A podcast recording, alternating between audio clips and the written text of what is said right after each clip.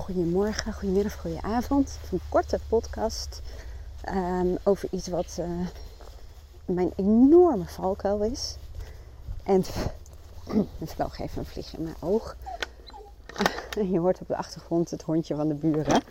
En die ziet onze hond en mij. En die wordt helemaal blij. Dat is wel heel schattig.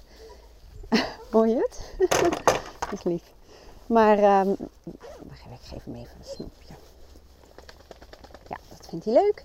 Nou, gaan wij ook weer verder. Maar ehm, ehm, wat wil ik zeggen? Ook oh, kan ook zo lekker afgeleid zijn, maar het is ook zo schattig om te zien. Um, een van mijn valkuilen is dat als ik lekker in een flow aan het werk ben, zoals vandaag. Ze zijn hier uh, weer verder aan het verbouwen. En uh, ik heb een dag om mijn website om mee bezig te zijn. En een course om daarmee bezig te zijn. En een podcast en nou ja, dat soort dingen. En dat soort dagen vind ik ook heerlijk. Om gewoon die hele dag daarvoor te hebben. En heel vaak zit ik gewoon in een heel lekkere flow. En dan tik ik dingen makkelijk af. En gaat allemaal gewoon heel lekker. En misschien herken je dat wel. Dan heb je de neiging om door te gaan. Door te willen gaan op die flow. In mijn geval kan het dan wel zijn dat ik vergeet te eten en te drinken en dat soort dingen. Maar ik heb ook wel geleerd dat dat echt een soort afbreukrisico met zich meebrengt. Ja, omdat je op basis van ja, inspiratie, zelfs soms wilskracht doorgaat en eigenlijk even niet in de gaten hebt dat je lichaam en geest echt wel wat herstel en rust kunnen gebruiken. En soms voelt dat misleidend, hè? omdat je je helemaal enthousiast en goed voelt. En ik merk het vaak dan, als ik dan te lang door ben gegaan, dan krijg ik vaak hoofdpijn. Of ik dan heel eventjes achter mijn computer wegga, dan denk ik, ja, merk het aan mijn hoofd. Ik heb geleerd dat dat best wel afbreuk doet op je energieniveau. Op je energie, om het zo te zeggen. En dat het um, echt beter is voor je algemene energie, om je energie hoog te houden. Om, hè, hoe zeggen ze het nou, het feest te verlaten op het hoogtepunt of zo. Nou, en dat betekent niet dat je meteen de rest van de dag hoeft te stoppen. Maar dat betekent wel dat je ook al zit je nog in een piek of in een flow, dat je dan toch stopt en even iets gaat doen met je handen. Even, of even wandelen. En in ieder eventjes je brein rust geeft. En het kan heel goed zijn dat je dan na bijvoorbeeld de wandeling die ik nu doe, echt geen ene rukzin meer hebt. Hè? Dat kan. Dat, dat is niet per se een teken dat je al te lang door bent gegaan. Dat kan ook te maken hebben met je bioritme. Maar ik merk op de lange termijn dat mijn energie gewoon hoger blijft. Ehm, ja, en dat ik vaker dit soort momenten van flow en inspiratie kan creëren. Ik noemde dat ook altijd het intervalleven.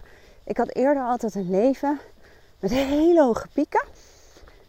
En die pakte ik dan ook en die benutte ik echt. En dan ging door tot het uiterste, tot ik er bij wijze van spreken bij neerviel. En dan heb je vaak, als je van die pieken hebt, ook een crash. Hè? Of, of een ja, diep herstelmoment nodig, om het zo te zeggen. En dat vond ik toen heel erg jammer. Dus ik ben van een intervalleven naar veel stabieler energieniveau gegaan. Waarop ik nog steeds wel kan pieken. Maar uh, ja, nogmaals, eerder stop. Waardoor ja, ik veel frisser blijf.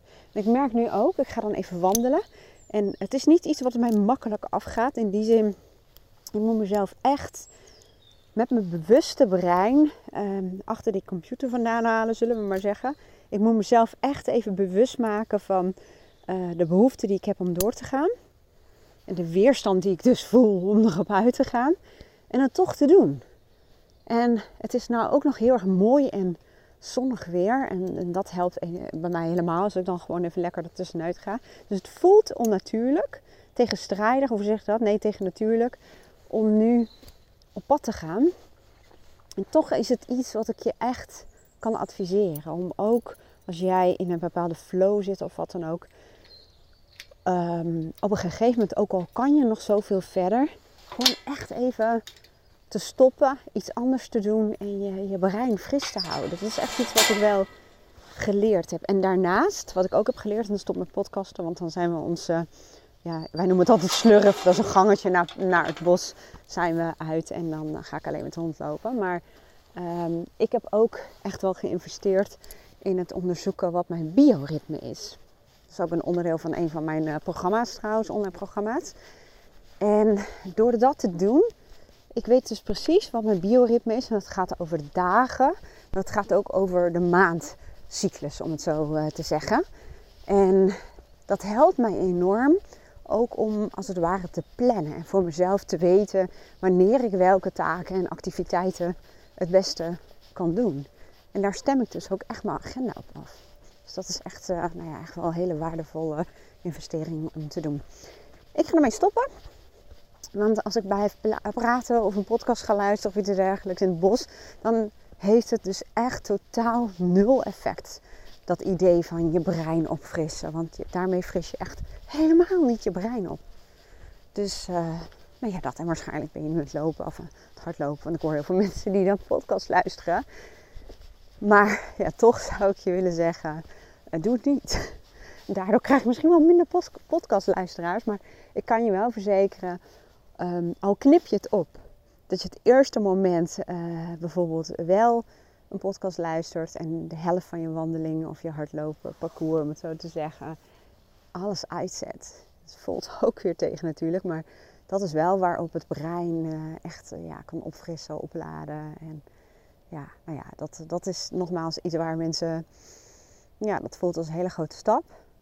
Maar ik zou toch zeggen, probeer het eens. Het brein heeft ook even tijd nodig waarop het geen nieuwe uh, ja, informatieve prikkels uh, tot zich neemt. Want natuurlijk als je in het bos loopt heb je zintuigelijke prikkels.